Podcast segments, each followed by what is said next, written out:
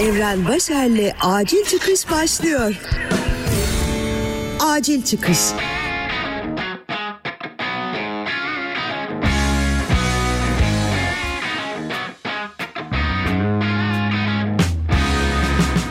Selam sevgili dinleyen ben Evren Başer. Acil Çıkış'ın 47. bölümünü dinliyorsun. Bugün zeki ahtapotlardan ve insan egosunu sıfırlamalarından, Sayın Kılıçdaroğlu'nun konuşmasının neden çok tuttuğundan ve Spotify CEO'sunun başarı anahtarından konuşacağız. Hadi başlayalım. Acil çıkış. 2014 yılının Haziran ayındayız. İstanbul'da ev arkadaşım Berkay ile bir Ege turuna çıkmışız. Şehir şehir, ilçe ilçe dolaşıyor, göçebe bir tatil yapıyoruz. Bodrum'da kuzenlerinin yanına da uğradık. Sağ olsunlar bizi Yalıkavak'ta çok güzel bir balık restoranına götürdüler. Denize sıfır, kumsalı atılmış o ahşap beyaz masaları olan yerlerden biri. Harika bir ortam. Sipariş veriyorlar. Ortaya bir ahtapot kızartması da söylüyorlar. Deniz ürünleriyle aram pek iyi değildir. 24 yaşındayım o zaman ve hayatımda ilk kez ahtapot yiyeceğim. Kısa süre sonra önüme geliyor, koyuyorlar. Bacakları, bacaklarındaki solungaçlarıyla karşımda duruyor ahtapot. Ulan yesem mi, yemesem mi emin olamıyorum. Berkay bu kararsızlığımı fark ediyor diyor ki oğlum çok güzeldi la ye ye diyor. Denemek lazım. Yeni bir deneyim diyerek atıyorum ağzıma. Tavuğa benziyor tadı. Ama sonra yedikçe ulan bayağı başarılı be diye düşünmeye başlıyorum. Ben bunu yerim. İstanbul'a döndüğümüzde de defalarca rakı sofralarının birer mezesi haline geliyor ahtapot benim için. Geçen akşam o tadı bir kez daha hatırladım. Ama bu sefer iyi bir şekilde değil.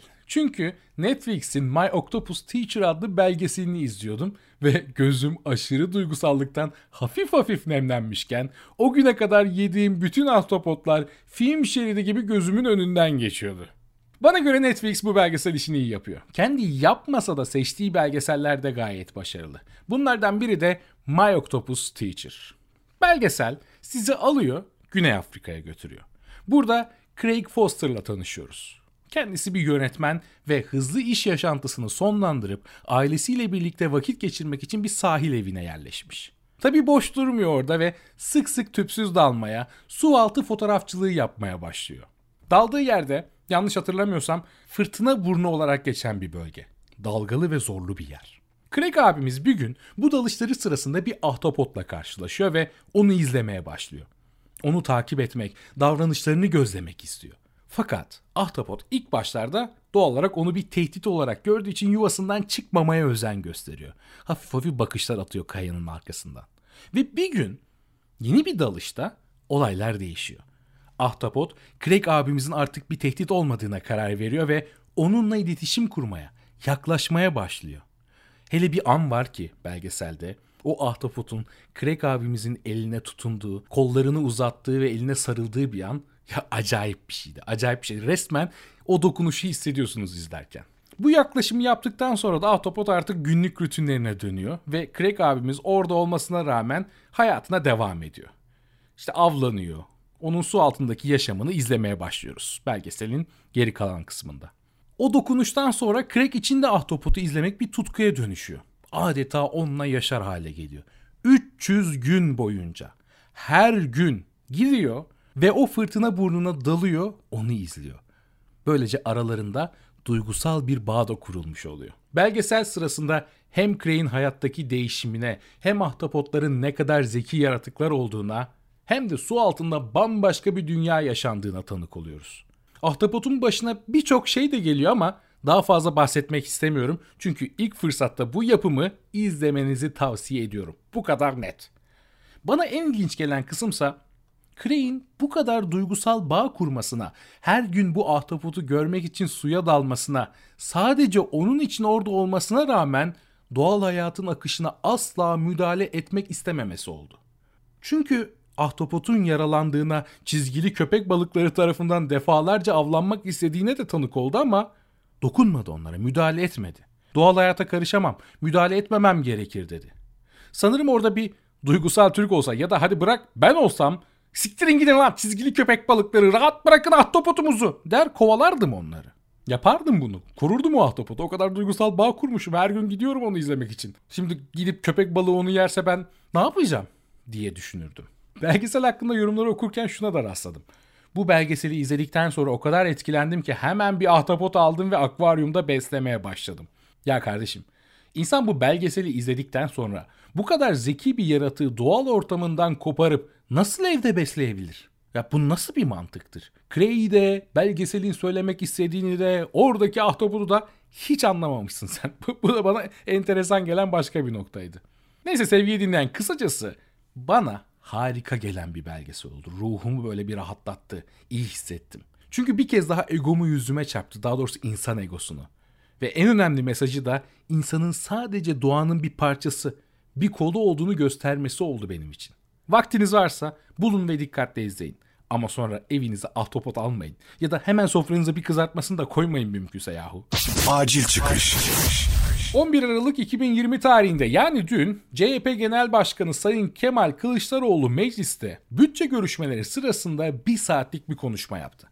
Ve sosyal medya Kemal Kılıçdaroğlu'nu bu konuşma sonrası keşfetti. Gerçekten nokta atışları olan, seviyesi iyi ayarlanmış, lafı dolandırmayan ve etkileyici bir konuşmaydı. Bu yüzden de oldukça da paylaşıldı ve konuşuldu. Ama aslında Sayın Kılıçdaroğlu bunları ilk kez söylemiyor. Malum muhalefet konuştuğunda medya 3 maymunu oynamaya alıştığından pek fazla görmüyorduk ya da sesi bu kadar gür çıkmıyordu diyelim. Bu konuşmanın bu kadar sevilmesinin ardında bence başka bir özgüven var.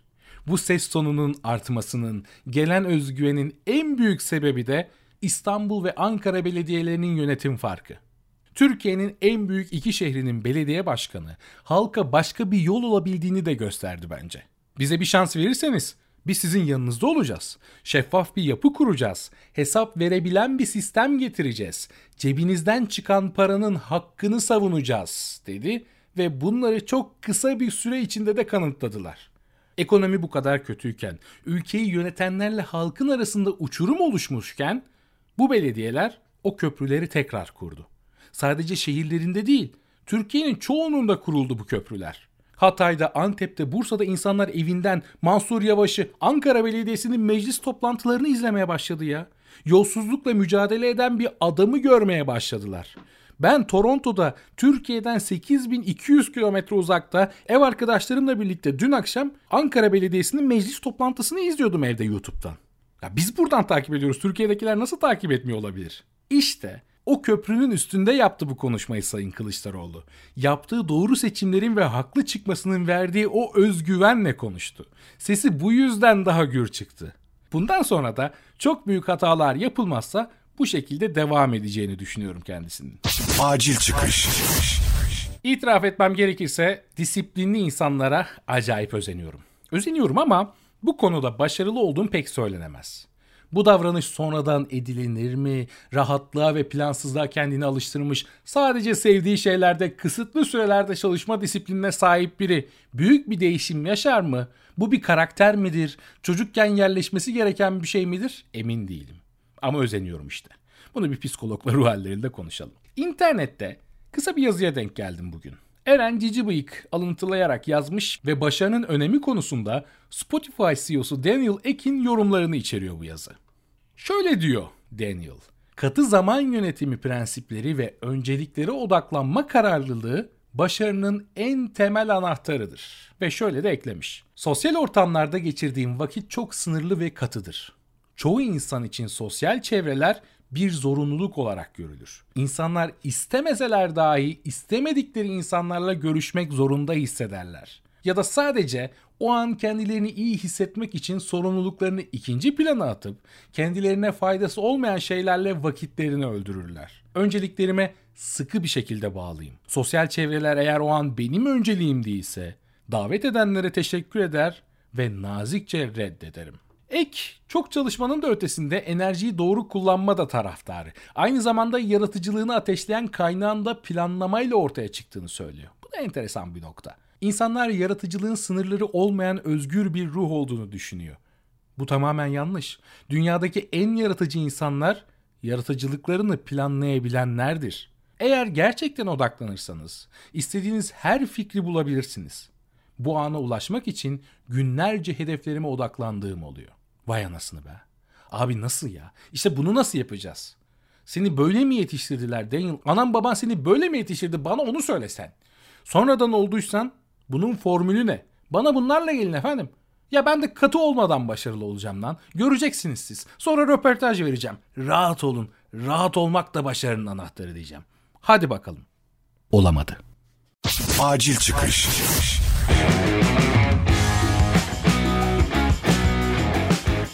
Acil Çıkış Podcast'te bir bölümün daha sonuna geldik. Beni şu an hangi platform üzerinden dinliyorsun bilmiyorum ama Acil Çıkış'ı podcast dinlenebilen tüm platformlarda bulabilirsin. Ayrıca beni dinlediğin platform üzerinden takip eder. Bu bölümü de sosyal medyanda paylaşırsan ne de güzel olur, ne de güzel hissederim bilemezsin. Patreon üzerinden bana destek vermek istersen de ayrıntılı bilgiler açıklamalar kısmında var.